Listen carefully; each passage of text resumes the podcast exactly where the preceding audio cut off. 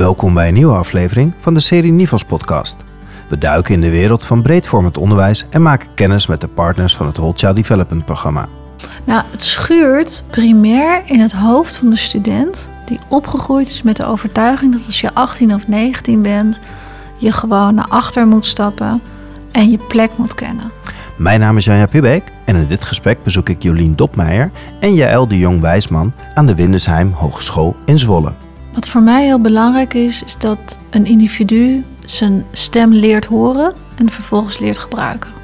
Omdat je op die manier uiting kan geven aan jezelf, maar ook in de relatie als je de leerkracht bent met de leerling. Dat je heel goed beseft dat in dat moment dat die leerling wat van jou vraagt, dat jouw stem essentieel is. Die zijn zoveel stevig gekomen te staan en hebben zo goed zicht gekregen op wie ze zijn. Ik vind dat heel veel mensen, jonge mensen, hun, echt hun plek zijn gaan innemen. En dus ook zeiden, ik vind het ook minder spannend om nu naast die collega van zoveel ouder te gaan staan. En ik durf meer mijn stem te laten horen. Jaël en Jolien doen mee aan het Whole Child Development project en ik ga met hen in gesprek over wat breedvormend onderwijs vraagt van het opleiden van leraren. En ja, ik ga inderdaad stralen, ik ga aan als het gaat over die, uh, die zelfregie van studenten. En dat zij zichzelf willen kennen, dat innerlijk kompas ontwikkelen. Wat voor mij de basis is om eigenlijk die goede leerkracht te worden, die docent te worden, maar ook als mens. En welkom in de podcast van Child Development van Nivos. Dankjewel. Dank je. Vertel, wie ben jij? Mijn naam is Jolien Dopmeijer. Ik ben uh, bij Windesheim docent en onderzoeker. Daarnaast uh, bij de PABO. Daarnaast werk ik ook nog bij het Rimpels Instituut als projectleider studenten. Doe onderzoek naar het welzijn van studenten al een uh, flink aantal jaar inmiddels. En doe je dan specifiek naar het welzijn van studenten in het onderwijs of in brede zin? Het hoger onderwijs specifiek, ja. Dus dat is alle domeinen? Eigenlijk mijn eigen studenten zou je kunnen zeggen, ja. Ja, leuk. Ja. En wie ben jij? Mijn naam is Jaël de Jong-Wijsman en ik ben uh, ook werkzaam bij de PABO. Ik ben de projectleider hier voor Whole Child and Teacher Development. Omdat het een leraaropleiding is, hebben we ook die focus op teacher development. En ik werk op de hogeschool inmiddels al tien jaar. Neem even mee, we zitten op de Hogeschool Windesheim in Zwolle. Ja, we zitten op de Hogeschool Windesheim in Zwolle, waar er verschillende opleidingen zijn. Er is een breed spectrum aan leraaropleidingen. Zowel de PABO als de opleidingen voor het voortgezet onderwijs, inclusief een sportopleiding. Maar we hebben ook grote afdelingen rondom journalistiek, zorg, techniek. Dus het is een grote hogeschool met een breed aanbod. Het is een van de grotere domeinen in de school, ja. Alle gebouwen die je hier om je heen ziet, uh, zijn leraaropleidingen. Misschien een grote vraag, maar wat zouden jullie vanuit educatie jullie pedagogische opdracht vinden? Als je die zou omschrijven. Wat is jullie pedagogische opdracht in het domein educatie als het opleiden van toekomstige leerkrachten? Kun je dat benoemen? Als we het even specifiek bekijken door de lens van Whole Child and Teacher Development, is onze, is onze opdracht om binnen het bestaande aanbod zorgvuldig te kijken van waar liggen de dingen waartoe we nog niet opleiden. Uh, maar die wel nodig zijn om tot whole child development te komen. Dus er staan hele mooie leraaropleidingen hier, waar studenten heel tevreden over zijn. Uh, dat neemt niet weg dat er uh, dingen zijn waardoor je, je ook maatschappelijke ontwikkelingen hebt, waar je in kan groeien. En onze specifieke pedagogische opdracht is om good practice te genereren rondom whole child development en rondom whole teacher development. En dat dan ook langzaam steeds verder in de verschillende leraaropleidingen te introduceren. Dus jullie doen onderzoek naar child development om eigenlijk in al die verschillende opleidingen die er zijn, dat hele diverse palet, om het daar eigenlijk in te verankeren. Ja. Uiteindelijk is dat zeker onze wens, ja. Waar kwam die vraag vandaan om, om hierop aan te sluiten? Wat, wat gebeurde in de praktijk of wat zagen jullie om jullie heen dat jullie dachten, hé, hey, hier moeten we iets mee? Wat was de aanleiding? We um, hebben binnen Windesheim al jarenlang een uh, sterke lijn ten aanzien van het innoveren van onderwijs. Het is een hele solide hogeschool met een hele uh, solide achtergrond, historisch gezien ook. Het zijn hele goede leraaropleidingen. Dus het is alleen maar logisch dat ook vanuit deze hogeschool innovatie ten aanzien van onderwijs een, een speerpunt is. En het moment dat je gaat innoveren, dat vereist een bepaalde cowboy-mentaliteit. Zeg maar. Om gewoon te zeggen van we gaan uit het bestaande systeem breken en we gaan nieuwe dingen proberen. We gaan pionieren en wat dan? En dat is heel erg logisch als je al wat levenservaring hebt en je hebt al wat werkervaring gedaan. Maar we doen het met hele jonge mensen. 18, 19-jarigen, waar we vervolgens behoorlijke eisen aan stellen. Dat je dan opeens leiding gaat geven aan innovatie in een basisschool terwijl je 19 jaar bent.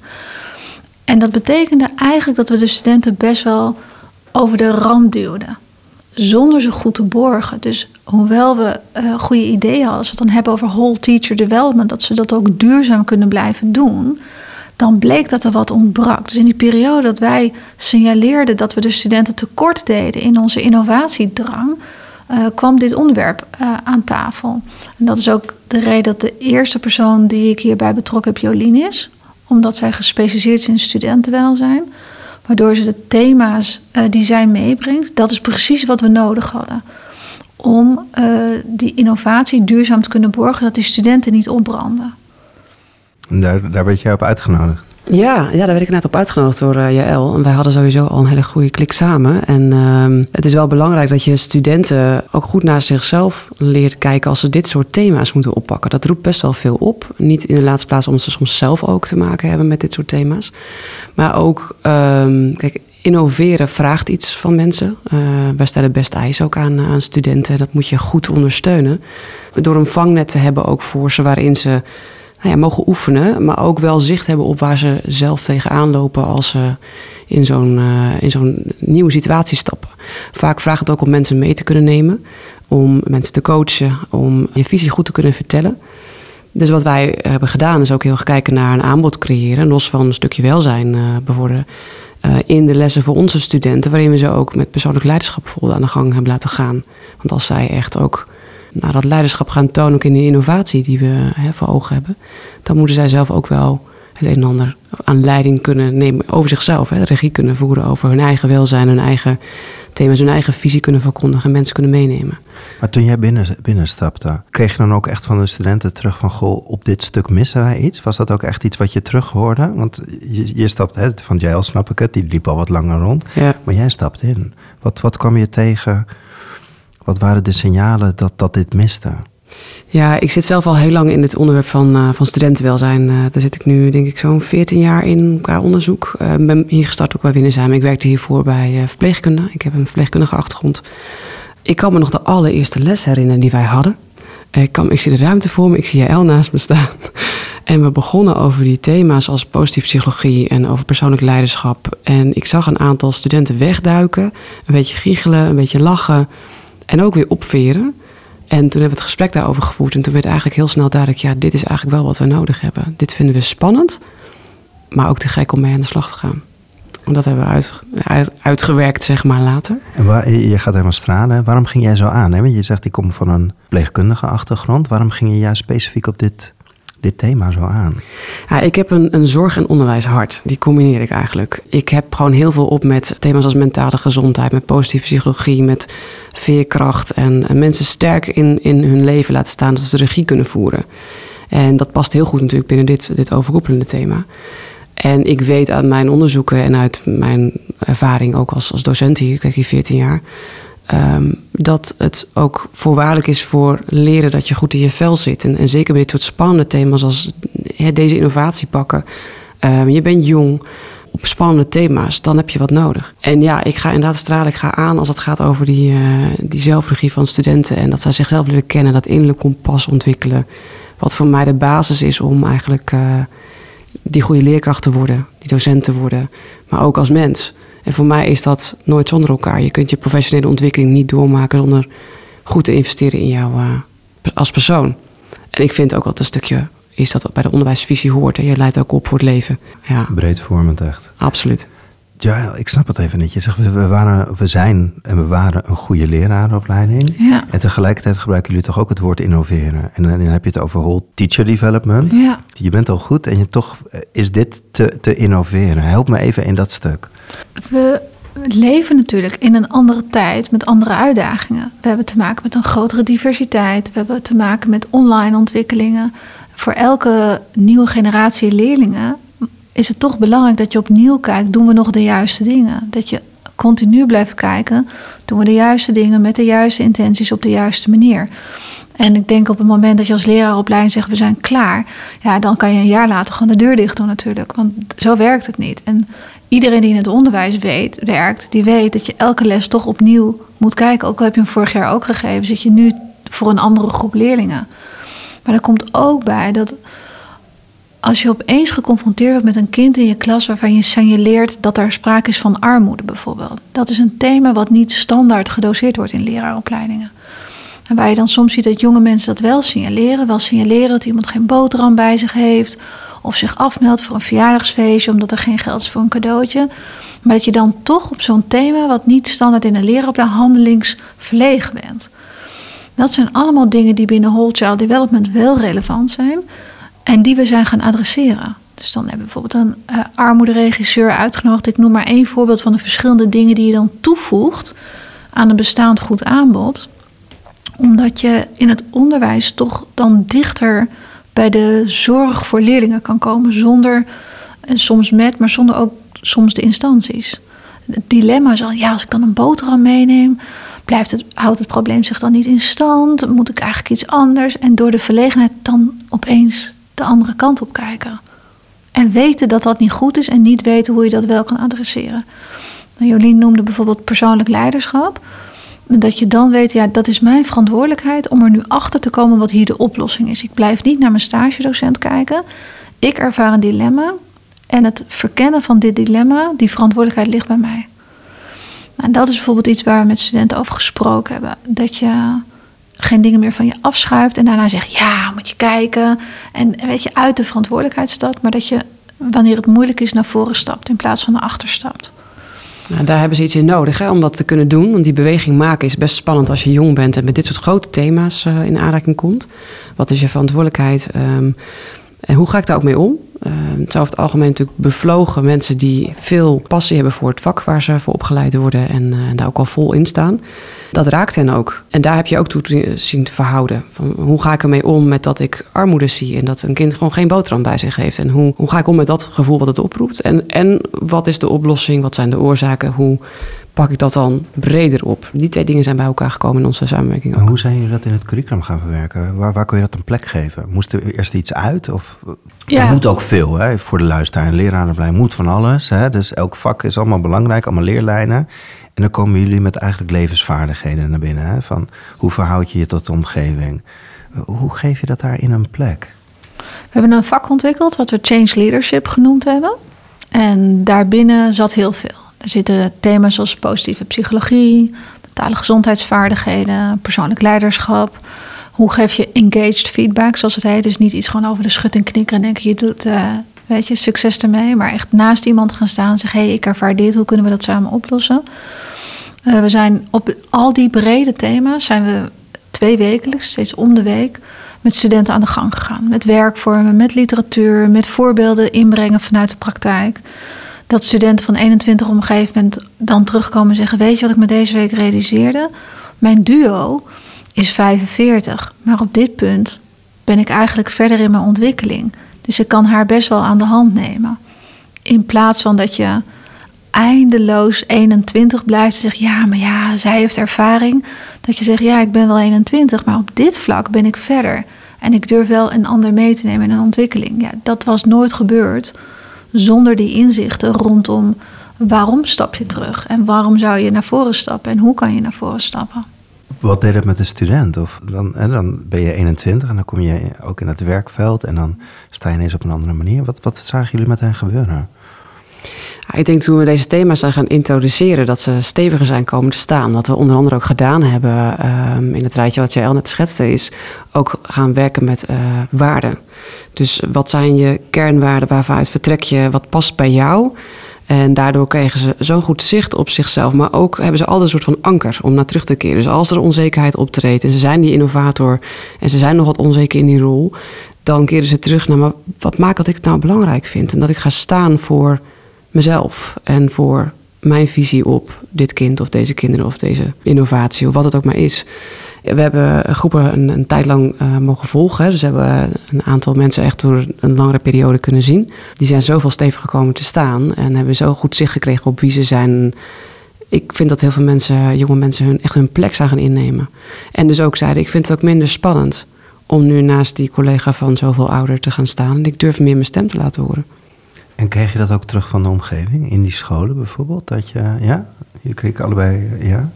Ja, uh, stagedocenten die zeggen, deze studenten zijn duurzamer ontwikkeld. Duurzamer. Duurzamer. We achter de kans op burn-out heel laag. Omdat ze in gesprek blijven, omdat ze niet duiken, omdat ze dialoog aangaan, omdat ze samenwerking aangaan. Zijn ze een hele positieve kracht in de school. Maar zien ze er ook heel um, evenwicht, komen ze heel overwichtig over. Evenwichtig over. Jullie vertellen het heel makkelijk, hè? maar ik, ik ken natuurlijk ook de scholen waar ze, waar ze zeggen: ja, maar wacht, je moet eerst eventjes leren. Hè? Is allemaal hartstikke leuk op die Pabo, hè? maar je moet even bij ons even zien hoe het echt in de praktijk is. Hoe, hoe makkelijk ging dit? Niet. Oh. Natuurlijk gaat het niet makkelijk. Waar schuurt het? Nou, het schuurt um, primair in het hoofd van de student die opgegroeid is met de overtuiging dat als je 18 of 19 bent, je gewoon naar achter moet stappen en je plek moet kennen. En dat het soms ook in een omgeving gebeurt die dat ook ademt. En dat als je daar een paradigma shift weet te bewerkstelligen, zegt dat is eigenlijk helemaal nergens voor nodig. Waarom doen we dat? En de studenten leert om niet binnen te komen en zeggen: Hoi, ik ben 18 en ik heb het wiel uitgevonden. En jullie doen het allemaal al 20 jaar niet goed. Want soms doen jonge mensen dat in bravoure. Maar zeg maar, hoe kan je op kleine stukjes vragen: Mag ik dit uitproberen? Mag ik dat uitproberen? En dan langzaam draagvlak genereren. Maar ook langzaam een partner zijn voor die duo-leerkracht. Een mooi voorbeeld is tijdens de eerste lockdowns werden alle stages gecanceld. En wat we tegen onze studenten zeiden was: maakt niet uit, app je stagedocent, vraag wat je kan doen. Nou, dan krijgt 75% terug van docenten die helemaal in de stress zijn. Want dat was de eerste lockdown. We hadden allemaal geen idee wat er ging komen. Ja, niks, niks. Ik kan je nu gewoon even niet begeleiden. Want ik moet nu eerst mijn klas op orde maken. Dat we zeiden, je maakt dit weekend een hele mooie les voor ze. Kant en klaar met video, maakt niet uit. En die stuur je op. Want halverwege de week zijn ze super moe. En dan heb je ze geholpen. Dus in plaats dat ze jou nu even gaan begeleiden, ga je hen materiaal bieden. En wat het gevolg was, dat de studenten die we daarin begeleiden, de eerste studenten waren die terugkwamen in het, in het stageproces omdat ze een leiderschapsmentaliteit aannamen. En dus niet netjes gingen wachten tot de stagedocent na drie weken zei: Kan je ook wel doen? Maar meteen zeiden: Nee, ik kan hier iets voor jou betekenen. En nou, die mindset, dat steeds naar voren stappen bij crisissituaties, maakt dat we er ook op hopen dat studenten duurzaam, als een kind naast je tafel komt staan met een vraag waar je het antwoord niet op weet, dat je dan dus zegt: Het antwoord is ja. Maar we moeten nu wel samen kijken hoe we dat gaan doen. Want soms weet je dat gewoon nog niet, maar dat het antwoord ja is. Ja, je maakt ze eigenlijk ook weerbaar. Dus wat er ook gebeurt, van je, je verhoudt je ertoe. Ja. Ja, en ik denk dat dat ook is waarom we zien dat ze ook minder snel zullen uitvallen. Wat heel vaak gebeurt bij studenten is dat ze het pad van een ander bewandelen. Uh, handelen naar de verwachtingen die er zijn naar hen, welke persoon dat ook is. Dat kunnen ouders zijn, dat kan een school zijn, dat kunnen klasgenoten zijn. En ik denk dat wij heel erg in deze les ook hebben gedaan, is kijken naar hoe kan je je eigen pad bewandelen. Dat gaat over je eigen visie. Wat zijn jouw belemmerende, bevorderende overtuigingen? Waar ga jij voor? Waar wil je voor staan? En dan kan je ook in zo'n leiderschapsrol stappen. Want dan ga je stevig in staan, want je hebt je anker, je weet wie je bent. En dat is heel stevig. Dat geeft een heel solide gevoel. En dat neem je natuurlijk mee de toekomst in. En dat past ook helemaal bij de ontwikkelingsfase van deze mensen zelf natuurlijk. Want we hebben natuurlijk altijd over de ontwikkeling van het kind. Het, uh, of de kinderen die zij in hun klas hebben. Maar zij zitten natuurlijk zelf ook in een hele belangrijke ontwikkelingsfase. Waarin zij ook hun normen en waarden vormen, hun identiteit uh, zoeken en vinden, uh, als het goed is. En ik denk dat we ze daar een heel stuk in mee hebben gegeven. En wat wel voorwaardelijk is om dit soort stappen te maken die jij al net beschrijft. En, en dat doen ze dus ook. Ze laten dan vervolgens echt wel uh, moed zien, lef zien, gaan daar staan. Dat vinden ze wel spannend. Sommigen niet, maar veel wel. Maar ze doen het. En het wordt goed ontvangen. Omdat ze ook hebben geleerd in hoe ga ik om met die ander. En die ook waarderen en, en, en, en respecteren. Ook snappen waar de terughoudendheid van, uh, van iemand anders vandaan komt bijvoorbeeld. Daar hebben we het ook over gehad. Als je veranderingen wil doorvoeren of je wil een bepaalde leiderschapsrol pakken... dan heb je te verhouden tot de normen en waarden en het verhaal van iemand anders dat weet je niet altijd wat het verhaal is, maar weet dat het er is. Het is niet zomaar een lastige collega. Er zit een verhaal achter waarom iemand iets lastig vindt. En uh, ik denk dat ze op die manier allerlei bagage hebben gekregen om stevig in zichzelf geworteld te blijven staan. En dan, uh, dan komt het wel goed met ze. Ja, je maakt een mooi bruggetje. Je zegt van hey, het verhaal achter de persoon doet ertoe. Dat zeg je ook over je eigen biografie eigenlijk. Ja. Is dat bij jou ook, Giles? Zit er dat je dit doet en dat je dat je deze transitie maakt, zoals jij net zei, Mhm. heeft het ook te maken met jouw biografie door het onderwijs of hoe jij in het leven staat? Ja, dat denk ik wel. Ik denk dat wat. Ik heb een taalachtergrond. Ehm, wat voor mij heel belangrijk is, is dat een individu zijn stem leert horen en vervolgens leert gebruiken. Omdat je op die manier uiting kan geven aan jezelf. Maar ook in de relatie, als je de leerkracht bent met de leerling. Dat je heel goed beseft dat in dat moment dat die leerling wat van jou vraagt, dat jouw stem essentieel is. Dat die heel bepalend is. En als je op dat moment terugdeinst, eh, omdat je het even niet weet, dan laat je je stem dus los. En op het moment dat je ja zegt, gebeurt er heel veel met wie jij op dat moment bent. Dat je echt je plek inneemt. Dat je plek innemen vind ik een heel belangrijk gegeven in het onderwijs. Ja, hoe heb jij je plek gevonden in, in jouw onderwijs? Ja, door na jarenlange ervaring, uh, toen de gelegenheid zich voordeed om in een nieuw concept te gaan ontwerpen, waar dit centraal zou kunnen staan, daar onderdeel van uit te maken. Ik ben ook gewoon begonnen als lesgevend docent in het voortgezet onderwijs en daarna in de hogeschool gaan werken. Steeds verder besefte ik wat ik belangrijk vond. Dat wist ik ook niet vanaf dag één. Dat duurde ja, misschien wel tien jaar voordat ik door had wat ik zo essentieel vond in het onderwijs. En toen ik goed door had dat ik dat zo belangrijk vond, dat je je plek inneemt. Niet zozeer dat het dan voor jezelf per se heel goed is, maar dat je dan ook er voor de ander kan zijn wanneer het ertoe doet. Dat is natuurlijk een, een wat breder uh, burgerschapsthema rondom je eigen stem vinden. En dat vind ik heel fijn om te kunnen doen en om door te kunnen geven. Hey, mensen die hier naar luisteren en ook die beweging in willen zetten. Want het is best een kwetsbaar proces, beluister ik ook. Ja. Wat, wat hebben jullie echt geleerd wat je mee wil geven? Van nou, dat waren voor mij of inspiratiedingen of ankerpunten. Of wat, wat waren eigenlijk de, ja, de breakthroughs of de nou, met studenten hebben we op een gegeven moment een college gedaan rondom succeservaringen en faalervaringen. En daarbij hebben we gebruik gemaakt van een online tool, waarbij Jolien en ik eerst zelf voor het college onze grootste faalervaring en onze grootste succeservaring hebben gepost met een fotootje erbij en een verhaaltje. Om ook de toon te zetten. Dat we heel open zijn over de dingen waar het ons helemaal niet gelukt was in het leven. En de dingen waar het wel heel goed gelukt was. En ook dan de parallellen te zien. Want dat je namelijk van beide dingen gigantisch veel geleerd hebt. En dus daarmee te normaliseren dat het hele spectrum van het uiterste succes tot het uiterste faalmoment leermomenten biedt. En dat was echt een breakthrough. Ik denk voor onszelf, maar ook voor de studenten om dat te zien. Oh, onze docenten lukt het dus ook niet altijd in één keer. En uh, we kunnen open zijn over de dingen waar het niet lukt. En zodra we dat doen, dan kunnen we daarin ontwikkelen. En dat is voor mij essentieel geweest in het proces. En dat is wat ik tot aan vandaag nog steeds vasthoud. Het normaliseren van alle ervaringen die je doet en de gradaties van succes dan wel nog geen succes. Ja, wat erin ook heel erg zit, is het rolmodel zijn. Ik denk dat we dat heel snel hebben gepakt vanaf het begin af aan. Zeker ook in de coronasituatie, want dit was een online les. En we hebben eigenlijk in een aantal online lessen hele mooie resultaten geboekt, uh, geboekt met uh, studenten. Zelfs een gesprek gevoerd op een gegeven moment over waarom camera's uitstonden terwijl camera's uitbleven. Wat wij ook hebben geaccepteerd op dat moment en, en uh, ruimte hebben gelaten om de mensen te laten zijn waar ze op dat moment waren.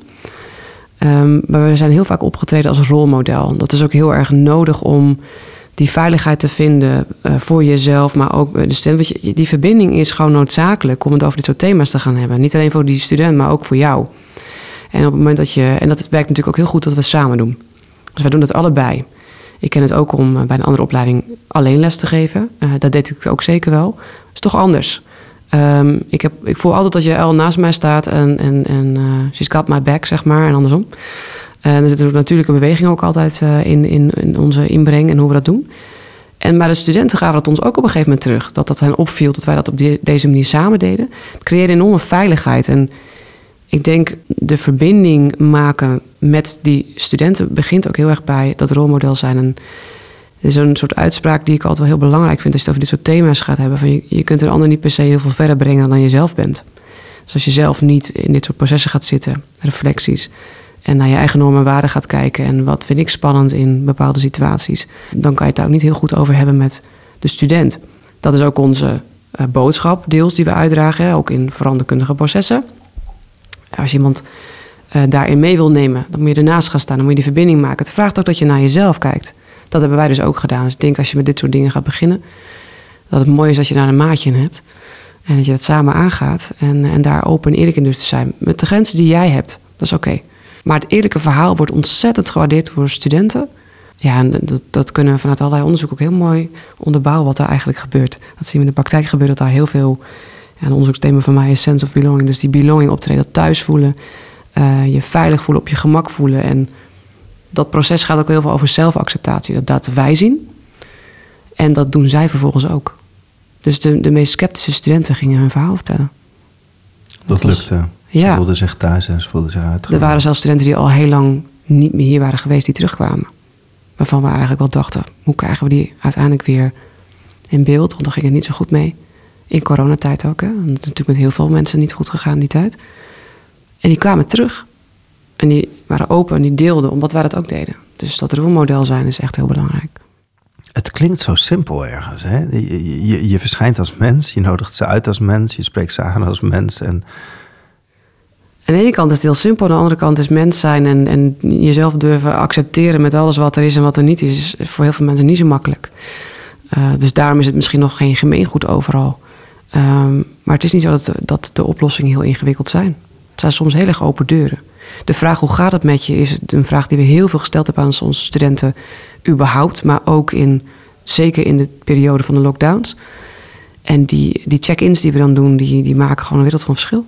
Het klinkt dat jullie het eh, ook in ieder geval ook samen goed bedacht hebben. Waarom zijn jullie op, op het, het landelijke Whole Development eh, thema project eigenlijk ingestapt? Waarom, wat heeft dat jullie nog weer gebracht in jullie zoektocht?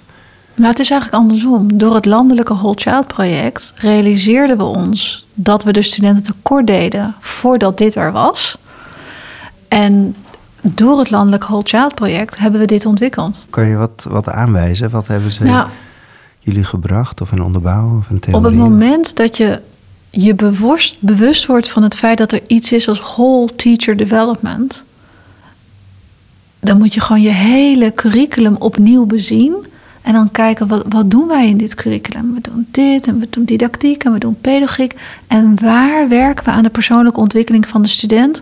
Op een echt gefundeerde, gestructureerde manier. Niet alleen in de studentbegeleidingsuren. Maar wat geven we deze jonge mensen mee? En dan vaak kom je tot de conclusie dat we dat stukje dan net niet doen. Dus we geven heel veel pedagogiek mee, vakinhoud, didactiek, onderwijskunde. Maar persoonlijk leiderschap, dat komt wel aan bod, maar niet georganiseerd. En dan is het niet geborgd. Dus dan ben je afhankelijk van de een of de andere SLB'er uh, die dat wel of niet aankaart. Maar dan maakt het geen gestructureerd onderdeel uit van het curriculum. En dat is nu wel gebeurd. Door het Whole Child and Teacher Development project kregen wij de kans en de ruimte in het curriculum. Konden we uren uh, genereren binnen het curriculum om dit te doen en om dit te ontwikkelen. Met zowel derdejaars als vierdejaars studenten, met af en toe een uitstapje naar de tweede en de eerstejaars, hebben we met de groep die afgelopen voorjaar is afgestudeerd, hebben we twee jaar op kunnen trekken. En het thema voor thema erachter komen wat de relevante dingen zijn. We hebben een soort van baseline gemaakt vanaf het begin. Maar ook steeds ongoing gekeken welke dingen poppen er nu op en waar leggen we accenten. Het werken vanuit waarde bijvoorbeeld is iets wat we vrij vroeg in beeld hadden dat dat essentieel zou zijn. Maar er zijn ook elementen geweest zoals uh, modellen rondom je omgeving, die we later toegevoegd hebben toen we in de gaten hadden dat studenten inzichten misten over hoe de bredere omgevingen rond hun persoon functioneerden. Dat hebben we ook met studenten besproken. Wat hebben jullie nodig? Wat, wat is de invulling die jullie zelf ook voor ogen hebben binnen dit, nou, binnen dat change leadership, uh, die tijd die we daarvoor hebben? En daar hebben ze ons heel in kunnen voeden. En dat hebben we dan ook opgepakt. Ik denk, we hebben dat kunnen ontwikkelen, maar we kunnen het ook volgen. Ook dat, daar worden we ook toe in staat gesteld door, door bij zo'n project natuurlijk aan te sluiten. Ja, want het hangt heel ook voor een deel aan jullie, heb ik het, het, het idee nu, hè, wat je in het verhaal wat jullie nu vertellen. Hoe weet je het door te dragen? Ja, we hebben natuurlijk een leerlijn van twee jaar ontwikkeld. In principe kunnen collega's ook zo'n leerlijn geven. Dan is het natuurlijk wel handig dat je eens gaat zitten en zegt van nou, weet je, of dat we daar een handleiding voor schrijven, dat zou natuurlijk ook nog kunnen. Maar we zijn begonnen in een klein deel van het totaal van leraaropleidingen. Uh, dit jaar trekken we dat door naar de PABO. En dan hebben we volgend jaar nog voor de overige leraaropleidingen. Maar dat betekent dus dat je per lerarenopleiding ruimte moet vinden in het curriculum om deze thema's te bespreken. Dan ook dingen eruit gehaald? Om ruimte te maken moet je ook iets, iets niet meer doen. Nee, ik denk dat wij deze, dit vak hebben we ontwikkeld in een lacune. Dus er was ruimte en daar zijn we gewoon ingestapt. Maar ik kan me ook voorstellen voor de komende anderhalf jaar nog en de verdere implementatie binnen de hogeschool, dat we met de opleidingen gesprekken uh, zullen hebben over past dit binnen pedagogiek, past dit binnen didactiek, waar kunnen we ruimte vinden in het curriculum. Het hoeft niet altijd alleen een college over change leadership te zijn. Je kan ook naar een bestaande les rondom pedagogiek kijken en daar inzichten aan toevoegen. Dus er zijn verschillende vormen waarin je deze dingen kan doen, waarin je dit over kan dragen aan studenten. En wat wij hebben gedaan was de ultieme pilot, waar we alles breed konden behandelen en daarmee konden experimenteren. Maar we hebben wel een aantal hoofdinzichten rondom de, het belang van waarde, het belang van sense of belonging, het belang van personal leadership. Uh, van engaged feedback, zeg naast iemand gaan staan en geen dingen over de schutting gooien. Je hebt na twee jaar wel helder wat de hoofdlijnen zijn. En als je dat terug zou moeten brengen en kleiner zou moeten maken, kan dat ook binnen een bestaand curriculum toegevoegd worden aan bestaande colleges. Ja, absoluut. Dat denk ik ook. Ik denk dat het vaak net anders doen is dan dat je daar altijd ruimte voor moet creëren door iets eruit te breken. En uh, dat neemt misschien ook de zorg weg van uh, onze collega-docenten die uh, het idee hebben dat je als je dit soort thema's wil aangaan, dat je altijd heel veel extra tijd daarin moet stoppen. Want dat is natuurlijk ook een geluid dat je dan te horen krijgt. Dan moeten we heel veel extra's. We hebben het al druk. En dat herkennen we natuurlijk wel. Dat maar tegelijkertijd zeg je van, goh, dat zie je terug bij de studenten. Niks wat tastbaars aan als hun reactie. We hebben druk, maar ze zijn weer echt verbonden en ze komen weer. dus de urgentie ligt gewoon voor je neus. Dus waar ben je dan allemaal druk mee en doe je het goede? Is dan natuurlijk ook de vraag. Ja, die urgentie is enorm. En daar zit natuurlijk ook een deel van mijn andere vak, zeg maar. Ik kijk hier al, al heel lang naar vanuit onderzoek. En de, de thema's die hier uh, achter schuil gaan, we zien gewoon dat dat heel erg nodig is bij jonge mensen om op mentale gezondheid en dat soort ook de positieve mentale gezondheid, maar ook de, de klachten te verminderen, zeg maar. Dat daar echt een ontzettende urgentie ligt. We weten al lang dat daar heel veel mis is. En tegelijkertijd ook heel veel kracht zit in, jonge mensen, maar wel wat winst te halen valt. En daar kan je eigenlijk heel makkelijk op aansluiten. Het is niet dat we vanaf nul moeten beginnen. Bij onze studenten niet, ook bij onze leerlingen niet, die bij onze studenten in de klas zitten. Er is altijd wel een basis. En het is vooral ook meer naar de preventieve kant gaan kijken en dat koppelen aan wat je al doet. Dus dat, dat behouden, dat is goed, is belangrijk. En misschien net even wat completer maken. Jullie hadden zo'n mooie les bij de studenten dat je uh, je succes en je faal. Uh, als je dat nu zou doen over het Whole Child Development project tot nu toe, wat zijn dan je de failures en de successen die je op het prikbord zou plakken? Oh, wat een mooie vraag. Dat was jullie vraag. Ja, klopt. nou, het succes is best wel makkelijk te identificeren. Mhm. Want er zijn studenten van deze leraaropleiding afgegaan met afstudeerwerk, waarin ze zo rechtop staan en zoveel oog hebben voor hun leerlingen, dat ze niet meer in die fase zitten zoals wat jonge mensen wil doen, dat het alleen nog om henzelf draait. Maar dat ze echt die volwassenheid hebben om heel solide rechtop te staan, maar dan dat het oog volledig op het kind gericht is. Ehm, hoe mooi ze dat in beeld brengen, dan ik denk dat Jolien het onderschrijft, dan leun je naar achter en denk je, ja, dit is wat we bereikt hebben. En dat is veel meer dan dat we hadden durven hopen.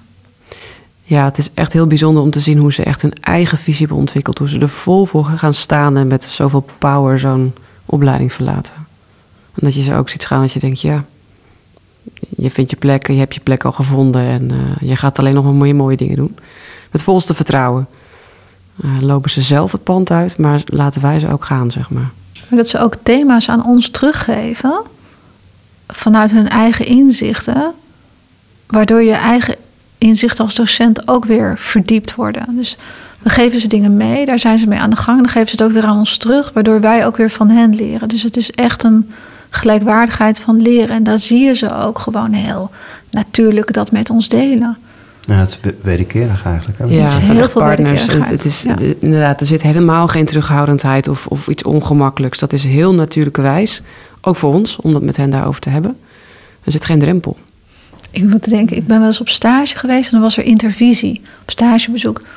En dat de docent van de school zei: Ik vind het eigenlijk niet zo gemakkelijk dat jij hierbij zit, want je bent van de opleiding. Vanuit het perspectief dat je dan komt om te beoordelen.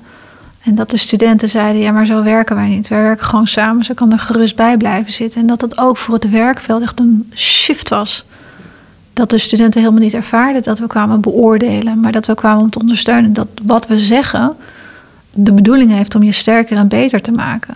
En dat zij daar al helemaal mee op hun gemak waren, terwijl de mevrouw uit het werk wel dat nog moest leren. Wij gaan heel bewust heel dicht bij de student staan. En we hebben ook onderzoek gedaan naar de rol van nabijheid. En dat werd door studenten ook weergegeven als een kritieke succesfactor. Nou, help me even, de rol van nabijheid. Dat je fysiek nabij bent, zodat uh, op het moment dat je in een kantoor zit, ergens op afstand, is er toch een fysieke drempel om een vraag te gaan stellen. Als je je werk doet in nabijheid van de studenten, dat je fysiek in de buurt bent, bijvoorbeeld als student in een lokaal werken, dat jij daar ook werkt, dat studenten dat enorm waarderen. Want dan positioneer je jezelf ook als gelijke.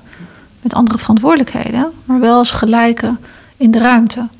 En tijdens de lockdowns was dat ook moeilijk, want toen was dat opeens er niet meer. Dus toen moesten we heel erg goed nadenken over hoe organiseren we nu die nabijheid, nu we fysiek op afstand zitten. Ja, wat je ook hebt in diezelfde uh ruimtewerk is ook dat er ook ruimte is voor de informele ontmoeting, zeg maar. Dat ook ontzettend belangrijk is in die binding en het dicht bij elkaar kunnen staan in zo'n proces. En natuurlijk waren we er uh, om hen te ondersteunen in, in bijvoorbeeld onderzoek. Hè, want we hebben het natuurlijk over change leadership uh, gehad, maar ook ons onderzoekswerk. Zeg maar, de studenten doen ook onderzoek op dit thema. En daar begeleiden we hen ook bij. Dat is een ander onderdeel van de opleiding. Nou, vaak veel vragen daarover. Onderzoek is niet altijd de makkelijkste opdracht voor studenten om te doen, of veel onzekerheden. We konden hen daar heel makkelijk bij helpen.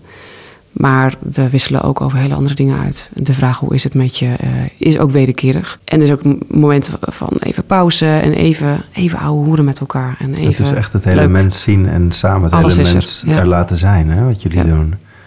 En uh, dit zijn de mooie successen. Zijn jullie ook ergens uitgegleden waarvan je dacht van, oh, oh. Nou, niet keihard, denk ik. Nee. Nee. En waar, had je, waar had je het moeilijk in? Waarin was het wel lastig?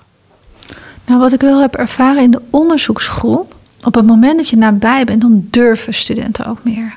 Want ze denken van, oké, weet je, ze zijn nabij. Ik durf heel uh, ambitieus te zijn in mijn onderzoek, een onderwerp te kiezen wat nog niet zoveel gedaan is. Dus geen standaard onderzoek over taal rekenonderwijs, maar echt een gewaagd onderwerp te kiezen. Dat was voor ons als begeleiders ook wel eens spannend, dat je denkt, hoe gaan we een student die zoiets gewaagds kiest, toch goed begeleiden dat het een goed onderzoek wordt. En dat het wel echt voldoet aan de criteria bijvoorbeeld.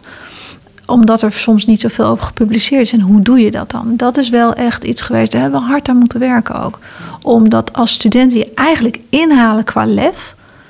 Om dan de verleiding te weerstaan om toch te remmen. En te zeggen ja, maar denk om de vorm.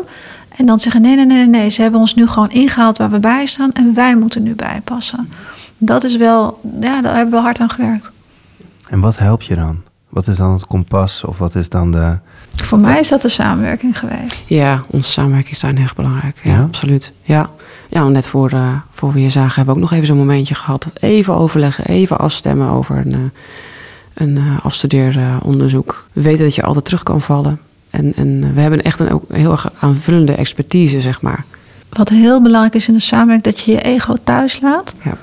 En dat je echt heel erg bewust bent van het feit dat wanneer weet Jolien het beter, wanneer weet ik het beter. Dus wanneer geef ik haar volledig het podium en stap ik heel even terug. Ook als dat een heel college is, bij wijze van spreken. En ik minder aan bod kom, maar dat ik gewoon voel. Zij zit nu helemaal in de flow, ze doet het perfect. En dat je elkaar de ruimte geeft. En dat je elkaar wel blijft vinden. Um, maar dat het echt puur gaat om het proces en dat je de ander de ruimte geeft daar te functioneren waar die dat het beste kan doen. Ik denk dat we daar zo'n gedeelde missie in hebben. Waarin wij onze waarden ook heel helder. Want wij doen ook mee met die oefeningen. Dus wij checken ook bij onszelf af en toe even in. Wat zijn onze waarden? Waar staan wij in het proces? Waar staan wij individueel? En we hebben ook wel eens um, oefeningen gedaan met studenten over wie de inspiratiebronnen zijn. Dat kan iemand zijn, dat kan een boek zijn, dat kan een stuk muziek zijn. En het grappige is wel dat jij al bij mij altijd op mijn lijstje staat. En andersom. Ja. Maar we hebben ook gedeeld met studenten dat we in het begin gewoon knonhard met elkaar gebotst hebben, bijvoorbeeld. Oh ja. De eerste twee maanden hebben we echt, we hadden een soort van commitment. We gaan dit doen samen. Niemand had überhaupt de overweging om de, om de deur uit te lopen. Maar de eerste twee maanden hebben we een paar keer heel hard geklashed. En dat delen we ook met studenten. Van luister, als je iets met iemand aangaat en daar een commitment op hebt. En dan is soms een confrontatie nodig. Daar hoef je niet bang voor te zijn. Want je spreekt van tevoren af dat confrontatie of geen confrontatie, we gaan dit gewoon doen. En dat, dat geeft ook aan studenten mee van... je mag gerust een confrontatie met iemand aangaan... als je vooraf goed borgt wat het doel van de confrontatie is. En dat je allebei de intentie hebt hier uit te komen en het beter te maken. Je hebt allebei een intentie om breedvormend onderwijs, die hele mens te zien, of het nou over een leraar of over een kind gaat. Dan snap ik niet dat je, dat je kan botsen. Nou, in, in, kijk, in die missie zat het hem zeker niet. Die is vanaf het begin af aan gedeeld. Maar er was natuurlijk in dat opzicht nog heel veel in te vullen. Dus dan ga je het hebben over thema's en wat op welk moment. En, maar bots je eh, dan wat over is- het feit dat je vindt dat, dat het thema eerder moet, of dat thema moet in, of dat moet eruit of zo? Wat, waar bots je dan over? Nou, wat het voor mij was, is het verschil tussen mijn visie en dat de practice voor mij ook nieuw was. Dus op een gegeven moment weet ik dat. je dan niet meer met jezelf? dan Ja, met natuurlijk. Dat was het. Natuurlijk. Maar je zegt, we botsten Ja. met elkaar. Ja, dat maar in het begin dat misschien de deden we ego's er elkaars- meer ja. waren. Hè? Dat, Ja. dat in het begin, wij zijn natuurlijk wel Ja. twee sterke vrouwen met een, met een mening en een visie. En een best een aardige carrière inmiddels al voor een aantal jaar in het hoger onderwijs. We hebben best wat gezien. En die zet je bij elkaar. Nou, dat is absoluut een recept voor succes. Maar daar kom je niet zomaar. Dan moet je eerst wel even je weg vinden in... hey, die ego's laten we thuis. En eh, niet dat wij nou zo ongelooflijk met onze ego onder de arm lopen. Continu, helemaal niet. Zo zijn wij niet. Maar nee, maar je komt daar toch- mee. ja, en wat je belangrijk vindt. Wat je echt duidelijk wil maken en op welk moment. En daarna werd het juist eh, een absolute synergie en heel natuurlijk. Het is echt zo, ja, El stapt naar voren, ik stap naar achter. Dat is een automatische beweging, we denken er niet over na. Het leuke is dat we dat van de studenten dan terugkrijgen.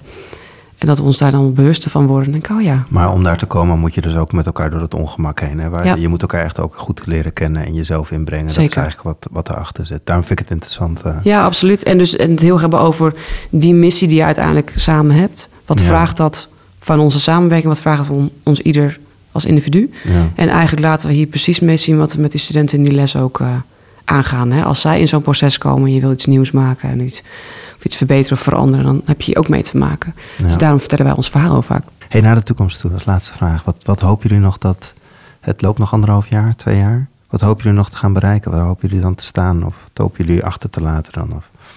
Nou, dit breder in lerarenopleidingen kunnen implementeren. Dat zou fantastisch zijn. Dat, dat we dit, wat we hebben ontwikkeld, eigenlijk bij onze collega's bij de leraaropleidingen gewoon een, een plek mag krijgen. Ja, ik denk heel vaak terug aan het allereerste college waar een student zei, een beetje met de handen in het haar. Ik wou dat ik dit eerder had gehad. Deze inzichten. Dat, ik hoor het er nog steeds zeggen. En dat is wat ik heel veel studenten hier gun, maar ook mijn collega's. Eh, en dat ze ook dat proces kunnen. Want je ma- het is een proces wat je maakt met studenten. Dat doet ook iets in je relatie, doet iets met je visie op je beroep. Dus eh, dat gun ik iedereen binnen de hogeschool. En is het breder, het hele brede onderwijs, is het nodig? Ja, ik, dit, is, dit is een absolute basis die je zelf denk ik als leerkracht nodig hebt om je, om je werk goed te doen en, en, en de kinderen in je klas goed te zien en hen goed te kunnen ondersteunen. Maar ook voor de studenten tijdens het student zijn om goed te kunnen functioneren is het ook nodig om met dit soort welzijnsthema's en eh, eh, gezondheidsthema's bezig te zijn. Om, omdat het best pittig is om in, eh, in de huidige tijd te studeren. En bij onze collega-opleidingen wordt ook al veel op dit gebied gedaan hoor. Dus wij kunnen ook, als we met hen hierover gaan hebben, ook heel veel van hen leren. Daar kijk ik ook naar uit. De lerarenopleiding, als je hem doet na de middelbare school, voltrekt dat proces zich in de tijd dat je identiteitsontwikkeling zich ook afrondt. Is het laatste stukje van de adolescentie. En daarmee is het ook een onomkeerbaar iets. Als je dat weet te internaliseren, dan kan je de rest van je leven daarop voortbouwen. Ja, en heel veel problemen voorkomen. Het is eigenlijk een stukje pure preventie wat we doen. Los van dat we hele goede leerkrachten willen neerzetten, maar dat is echt wat het is. En daarom is dit ook absoluut niet iets wat we alleen binnen leraaropleidingen zouden moeten willen neerzetten. Ik kom natuurlijk zelf Ja. uit een gezondheidsdomein, eh, waar dit ook uitstekend past. Maar dit kun je ook bij techniek doen en dit kun je ook bij economie doen. Ehm sterker nog, dat zou ik vinden dat we dat moeten doen. Het heeft me ook als mens heel erg gevormd als, als docent, maar ook breder, ook als moeder. Dat als je dit soort dingen met, met, een, met, een, met een ander aangaat, een ander dan jezelf, dat je de ander daarin leert vertrouwen. Als zij soms dingen deed in het begin, denk ik, waarom doe je dat zo? Maar dat ik leerde vertrouwen hebben in de weg van de ander. Ja, dat is heel, heel verrijkend geweest. Mag ik jullie danken voor dit open en eerlijke gesprek. Dank jullie wel. Ook bedankt. Met Leuk. veel plezier. Deze podcast is er eentje uit de Nivels podcastserie. Stichting Nivels sterkt leraren en schoolleiders bij de uitvoering van een pedagogische opdracht. Het Whole Child Development is een samenwerking van Stichting Nivels, Kenniscentrum Pop in Leiden, Porticus, vier leraaropleidingen en verschillende scholen. Het uiteindelijke doel? breedvormend onderwijs voor alle leerlingen met uitdrukkelijke aandacht voor leerlingen die opgroeien in moeilijke omstandigheden. Meer informatie kun je ook vinden op www.breedvormendonderwijs.nl. Hoe dan ook, tot de volgende aflevering van de Nivas podcast.